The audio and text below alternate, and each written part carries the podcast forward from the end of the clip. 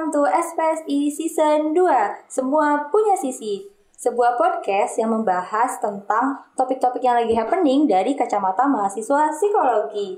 Nah teman-teman pendengar, spesial banget episode kali ini kita akan membahas perjalanan sehingga terbitnya buku Mencari Pedagogi Kritis. Nah teman-teman, gimana nih dari judulnya aja? Itu udah menarik banget kan?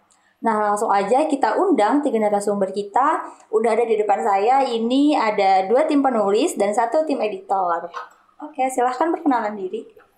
Oke, perkenalkan nama saya Arif, angkatan 2018. Perkenalkan aku Lilo dari angkatan 2018 juga. Halo, saya Mada ya, editor untuk buku Mencari Pedagogi Kritis. Oke, buku Mencari Pedagogi Kritis ini itu baru terbit atau bagaimana? Ya ini sekitar sebulan yang lalu lah baru terbitnya ya.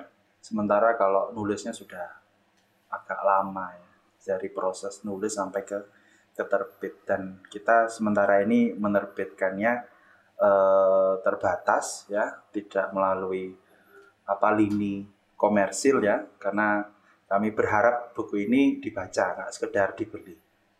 Oke, menarik sekali ya. Kedengarannya aja dari awal udah menarik. Nah, um, boleh nggak sih diceritakan secara singkat sebenarnya buku mencari pedagogi kritis itu tentang apa? Oke ini saya sebagai editor memang uh, bisa dibilang yang salah satu yang memimpin ya proyek buku ini dan kami dibantu oleh teman-teman penulis yang luar biasa ya. Sebetulnya buku ini itu punya keyakinan ya untuk me menginformasikan, menjelaskan ya, mempopularis mempopularisasikan ya uh, sebuah teori psikologi ya, teori pendidikan juga, teori filsafat juga yang namanya pedagogi kritis. Nah, pedagogi kritis sendiri itu uh, sebetulnya teori psikoanalisa yang baru populer mungkin uh, beberapa tahun belakangan ini ya, yang diinisiasi oleh seorang tokoh namanya Paulo Freire dari Brazil. Nah, kenapa kok teori ini susah banget masuk ke Indonesia, Mbak ya? Hmm. Karena teori ini punya nuansa revolusi, punya nuansa uh, perlawanan gitu, sehingga sebelum tahun 98 buku-bukunya itu dilarang. Nah, ada buku psikologi yang dilarang, itu salah duanya misalnya buku ini, apa teori-teori ini ya, bukunya Paulo Freire. Kemudian juga ada yang mungkin Mbak sering dengar, tapi bukunya susah juga untuk didapat. Erich Fromm. Oh. Nah, dia itu juga seorang psikoanalis tapi uh, teorinya susah untuk diakses. Nah, tujuan dari buku ini adalah untuk mengajak teman-teman semakin mengenal seperti apa sih teori pedagogi kritis, psikologi kritis. Nah, dan di situ ada banyak sekali ya isinya tulisannya yang dibantu oleh teman-teman ya untuk uh, sub bidang yang lebih lebih spesifik. Oh, berarti karena banyak penulisnya pun banyak. Betul. Atau ada berapa penulis? Sejauh ini ada 15 penulis dan itu alhamdulillah psikologi semua. Hmm, berarti melihat dari banyak aspek ya di dalamnya. Betul, betul. Ada hmm. mungkin aspek-aspeknya teman-teman apa aja ya aspek-aspeknya itu ya? ya? Mungkin kalau terdekat mungkin kayak dari kita yang sedang mahasiswa mungkin dari segi pendidikan terus yang mungkin concern atau minatnya ada yang ke keluarga, ada yang ke hubungan juga, atau mungkin kayak isu-isu terkini seputar beauty privilege dan kayak itu itulah. Oh, berarti topik-topik yang memang happening dan relate di masyarakat ya. Wah, menarik banget sih. Iya kan? Saya sebagai pendengar dari tadi itu kayak, wah, ternyata di dalamnya pasti akan ada banyak hal-hal yang um, seru untuk dibaca gitu sebagai penulis sendiri pasti kan punya tujuan ya. Nah, kalian nih sebagai penulis apa sih tujuan dari ikut ingin ikut berkontribusi dalam pembuatan buku ini? Mungkin kalau aku kalau niat sebenarnya kalau bukannya pengen gimana ya kayak ngasih bukan kayak ngasih pemikiranku kayak dari pedagogi kritis kayak gini kayak gini tuh bukan kayak uh, dari aspek terkecil sendiri dari aku sih sebenarnya dari dulu pengen pengen kayak terbiasa untuk menulis. Dan karena uh, dalam forum diskusi itu kayak diharuskan hampir tiap minggu atau dua minggu sekali itu untuk setar tulisan tuh kayak yang dulunya kayak nggak ada tuntutan untuk menulis jadinya eh, ada tuntutan untuk menulis. Yang yang paling utama kalau menurutku dari aku sendiri sih itu untuk terbiasa untuk menulis. Terus kalau untuk eh, untuk isi bacanya mungkin ya tadi kalau nggak pernah menulis jadi pengen mengeluarkan eh, pemikiran-pemikiran dulu nggak pernah disampaikan sih Oh, berarti banyak yang melatar belakangi sampai kalian ingin ikut berkontribusi atau sebelumnya ada kayak gagasan-gagasan yang tidak ingin eh yang tidak tersampaikan dan ingin disampaikan atau mungkin ada keluh kesah yang kalian ingin kalian tulis sehingga terciptalah buku ini. Betul banget. Seru ya. Dalam prosesnya sendiri itu dari 15 orang. Bagaimana sih sehingga lahir buku ini, struggle-nya, cerita-cerita menariknya pasti kan ada tuh yang memorable diingatan tuh, wah ini pas nulis ternyata ceritanya kayak gini gitu. Apa sih? Iya. Oke, kalau aku mewakili teman-teman ya pasti teman-teman punya struggle masing-masing terkait tulisan Ya. entah itu dari cara dia menulis atau konteks tulisan yang dia tulis. Tapi kalau aku pribadi lebih ke ini sih. Ini tuh kayak kebetulan banget dikasih uh, apa? Wadah. Iya wadah dari Pak Mada dikasih opportunity dari Pak Mada buat menulis karena kebetulan waktu magang ini saya dapat insight banyak banget terkait kayak proses dunia kerja dan lain-lain dan itu yang menginspirasi, menginspirasi saya buat nulis tentang kapitalisme dan untuk hambatannya sendiri yang pertama adalah kalau dari saya adalah eh, cara menuangkan apa yang saya pikirkan ke dalam tulisan. Soalnya itu kayak saya pengen membaca itu sampai perasaan saya itu sampai. Tapi kadang kata-katanya kayak kurang tepat. Kayak kok ada yang kurang ya kayak gitu. Kok kurang nampol kurang ini kok kurang representatif. Nah itu sih kalau dari saya pribadi hambatannya.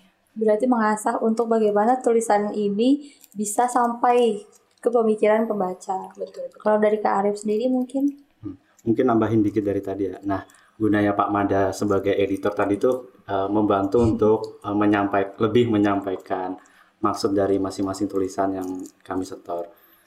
Terus eh, kalau cerita mungkin eh, lebih ke ini sih kalau struggle mungkin ke pas diskusi diskusi yang kan ada yang sesi yang diskusinya secara langsung, ada yang eh, secara daring dan lain karena saya di kebetulan di Malang jadinya diskusinya secara langsung. Jadi yang lebih berkesan kayak eh, apa yang didiskusiin selama forum baca kritis itu yang mungkin eh, yang sebelumnya kita nggak nggak ternyata itu adalah mungkin sebuah entah itu penindasan entah itu mungkin dari dari segi psikologis atau segi yang lain bisa dikaji itu ternyata tuh kayak ternyata relate banget dengan kehidupan kita yang masa kini Ya terus mungkin biar agak ada konteks ya Mbak ya. Jadi kita itu kemarin ngadain namanya forum baca.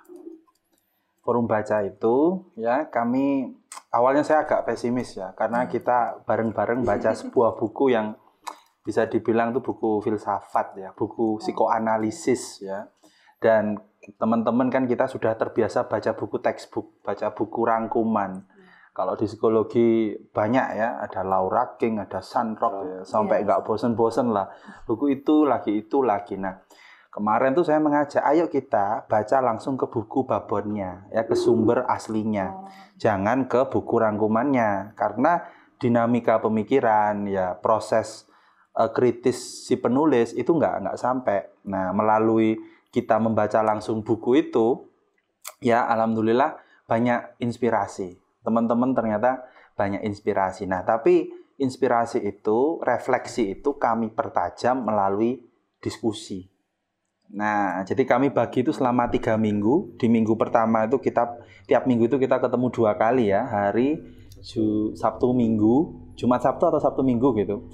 Nah, kami ketemu sekitar dua jam sampai lebih. Nah, sering kali itu kadang lewat sampai malam. untuk berdiskusi. Iya, karena banyak banget kadang itu informasi yang saya jujur belajar banyak dari teman-teman.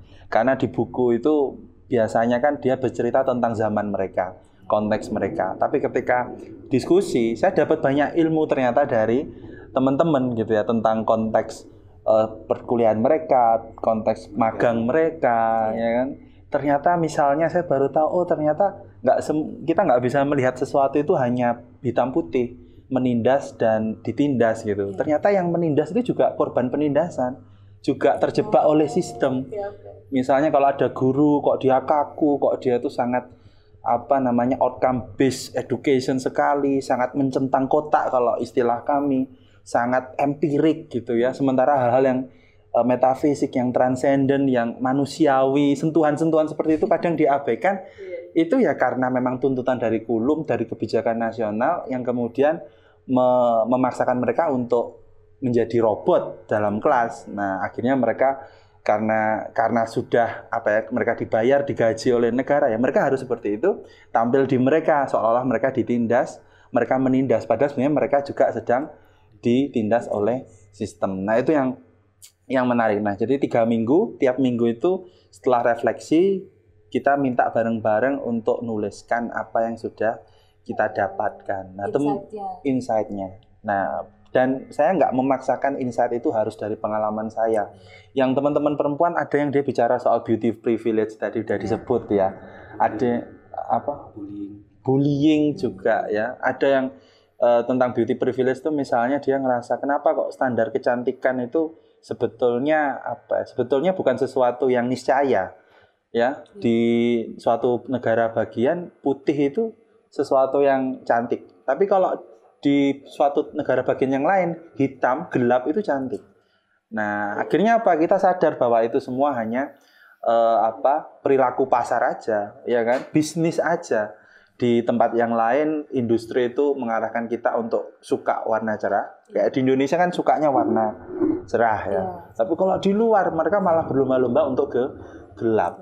Nah, itu jadi selama tiga minggu total kita kumpul sebetulnya tulisannya hampir ada 30 ya. Tapi kemudian kita seleksi lagi, kita pilih-pilih lagi mana yang paling yang paling apa ya relevan. Nah, mungkin kalau dari mereka berdua punya anu lagi ya apa refleksi yang berbeda ya yang nanti Oh, bisa iya, iya, eh, Mbak eh, Fatmawati perdalam. Nah, tapi tadi sedikit udah dibahas ya tentang penindas tertindas sama eh, tentang apa kapitalisme. Ini ini yang menarik dari kelas kami. Kami membuat eksplisit ya sistem ideologi kapitalisme itu yang ada di dalam eh, kehidupan kita.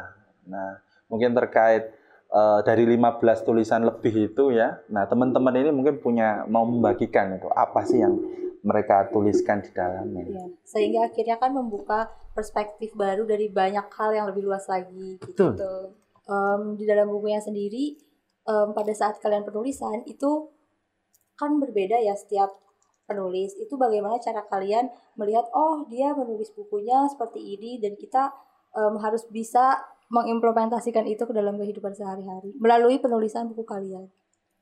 Wah, itu sulit juga ya.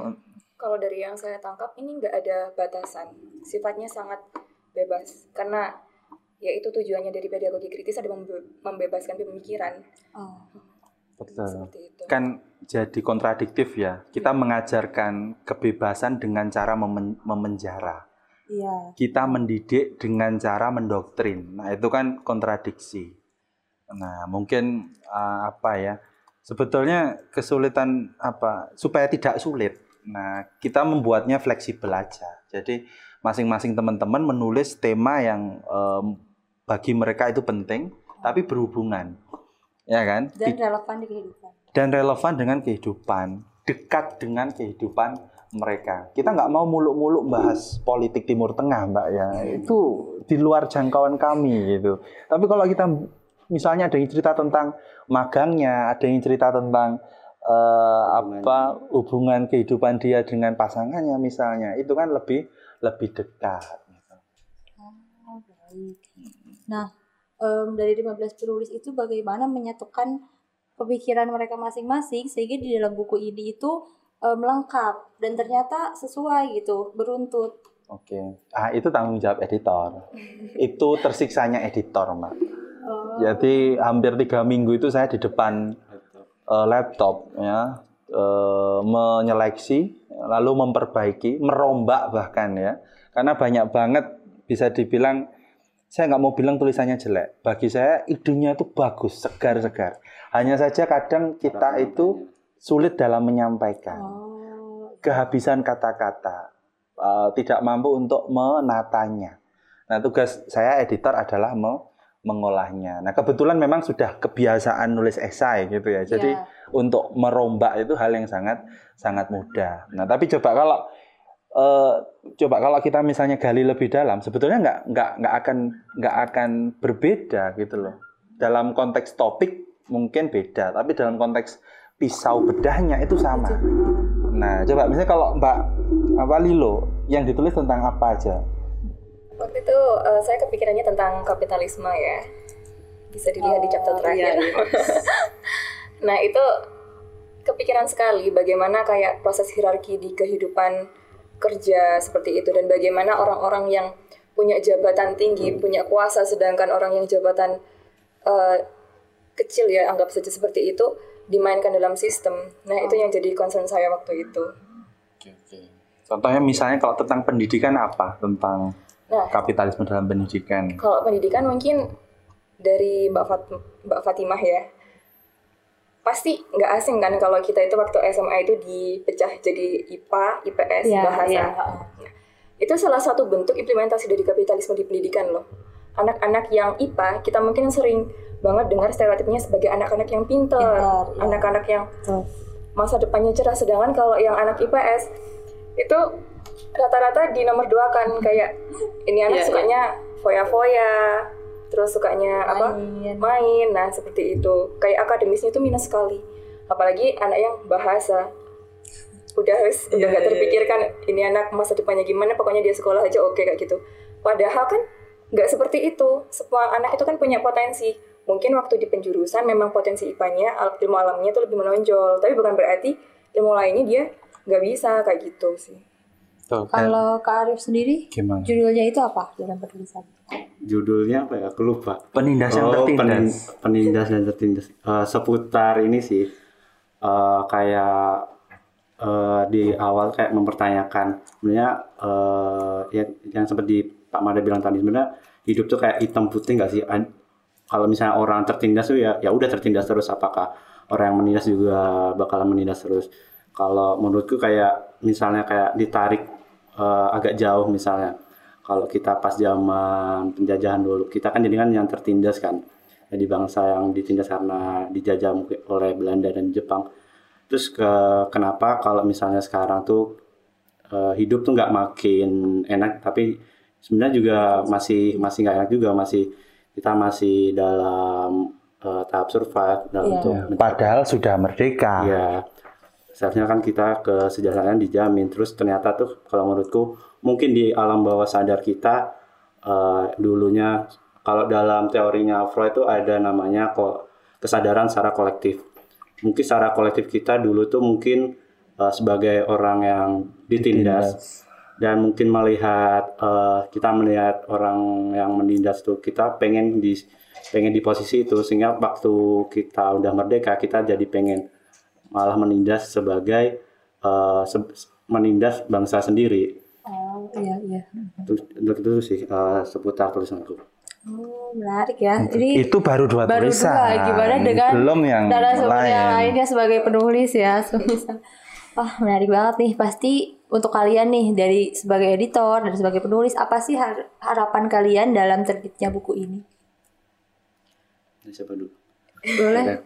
kalau aku mungkin ini sih harapannya ini cuma sekedar harapan kalau misalnya kita juga nggak mungkin juga tulisan kita bisa langsung ngerubah dunia. Iya, iya. Itu muluk-muluk sekali. Iya. Harapan yang relevan mungkin ya. kita bukan mungkin iya Eh, ya kayak pendidikan di kita tuh seharusnya nggak nggak ngebatasin untuk masing-masing individu kalau misalnya eh, untuk membatasi untuk berpikir kreatifnya kalau misalnya eh, pendidikan itu justru untuk membatasi pikiran masing-masing individu yang di dalamnya bukan bukan pendidikan namanya yang disebut Pak Mada Pak Mada tadi namanya indoktrinisasi. Pendidikan seharusnya kan mendekatkan kita sa- sama manusia membebaskan bebas untuk bertanya untuk uh, berdiskusi tentang segala hal yang mungkin itu mungkin tuh di luar uh, sebagai hal tabu. Tapi kalau misalnya dibawa ke ranah akademik ada uh, di ranah pendidikan seharusnya semua orang uh, bebas untuk men- mendiskusikannya. Kalau dari aku, harapanku yang pertama ya ini untuk diri aku sendiri. Aku pengen apa menuangkan isi pikiranku dan aku pengen itu dibaca. Tapi untuk kepada audiens aku pengen uh, tulisan-tulisan kami ini jadi referensi untuk mereka berpikir. Mungkin tidak harus sampai berpikir kritis tapi untuk sekedar merefleksikan sadar betul sadar akan posisi mereka dan bagaimana mereka hidup apakah mereka sudah punya apa kebebasan transformasional atau masih belum seperti itu Oh, mungkin dari Kalau sebagai saya punya dua harapan ya. Yang pertama, saya ingin mendorong teman-teman untuk suatu saat bisa merubah. Tapi merubah itu nggak mungkin kalau nggak sadar masalah yang harus dirubah. Nah, jadi yang paling pertama, saya minimal nih sudah mengajak ad- adik-adik ya, anak-anak yang terlibat ini untuk bisa reflektif terlebih dahulu. Ya, sebelum saya mau membuat semua orang reflektif, minimal yang bisa saya yang paling dekat dengan saya itu bisa juga reflektif. Yang kedua, saya berharap eh, apa ya ini jadi project yang eh, mendorong yang lain juga meniru hal yang sama ini. Bahwa menulis apa namanya sebuah buku tentang pedagogi kritis itu hal yang sangat sangat mudah ya. Karena memang pedagogi kritis sendiri psikologi kritis itu menuntut untuk kita semakin introspektif semakin kritis terhadap diri kita sendiri. Beda kalau misalnya kita disuruh belajar teori-teori yang lain dalam psikologi karena itu sifatnya satu arah ya. Kadang kamu membaca bukunya aja udah kayak diceramai gitu. Tapi kalau membaca buku pedagogi kritis membaca buku-buku Paulo Freire membaca tulisan kami yang ada di mencari pedagogi kritis itu teman-teman diajak untuk merenung teman-teman diajak untuk eh, berpikir ulang apakah yang teman-teman rasakan nikmati hari ini itu sudah benar, sudah tepat atau belum. Nah, sehingga kemudian eh, ada keinginan untuk melakukan peru- perubahan. Oh ya, satu lagi ini harapan saya yang terakhir, saya ingin menyadarkan kepada teman-teman ya eh, bahwa fitrahnya manusia itu berkesadaran ya, bebas, nah dan juga apa? Kita itu egaliter ya. Kita saya sama teman-teman ini sebetulnya setara ya. Makanya waktu proses penulisan, ketika saya menuntut mereka nulis satu, saya juga nulis. Malah yang lain satu saya nulis sudah lima, ya. Kenapa? Akhirnya ini sebetulnya ini juga apa spoiler ya. Saya juga ada lagi buku satunya yang lagi diproses, ya kan? Karena kalau saya misalnya total saya ada 20 tulisan, saya taruh semua di sini, kan jadinya nggak fair, Iya. ya kan? Teman-teman 15 saya 20 tulisan sendiri. Nah makanya saya pisahkan ke buku yang Nanti yang terpisah. Nah, saya berharap teman-teman juga uh, meniru, ya kan? Teman-teman yang di LSO, yang di UKM itu bisa kok. Ini sangat sangat mudah. Dan saya juga mendorong ya mungkin dosen atau siapa yang memang punya kemampuan menulis bisa jadi editor, tapi editor yang serius. Kadang itu banyak yang editor sekedar nama gitu ya, Iya, iya. nggak betul-betul dibaca, nggak betul-betul dicek. Bagi saya itu termasuk apa ya ketidakpercayaan kepada kapasitas mahasiswa yang diajak menulis untuk betul-betul kritis. Kalau saya percaya sama mereka, saya punya optimisme, saya yakin mereka punya sumbangsih yang penting, ya kan. Tugas saya hanya membersihkan lumpur-lumpurnya sehingga mutiaranya bisa tam tampil. Mungkin itu sih Mbak dari saya. Ada yang mau ditambahkan? Sudah cukup? Sudah lengkap ternyata? Cukup. Wah, menarik sekali ya teman-teman pendengar.